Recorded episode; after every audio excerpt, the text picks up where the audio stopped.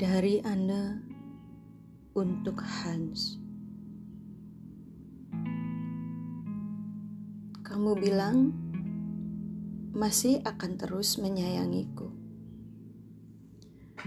Meskipun situasinya tak sama seperti dulu. Ya, aku paham dan bisa menerima. Kamu bilang tak akan membuatku lama menunggu balasan pesan. Namun, hingga hari berganti, yang kulihat hanyalah frasa terakhirku menanyakan keberadaanmu. Kamu bilang selalu merindukanku. Namun aku harus terus menunggu,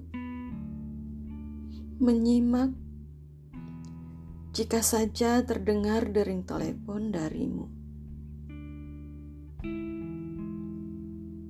Kamu bilang akan mengajakku ke tempat rahasia kita kapan pun aku membutuhkan kesunyian. Namun, Aku benar-benar sunyi dalam kesendirian tanpamu. Aku ingin ke sana. Tapi hanya kamu satu-satunya yang memahami jalan itu.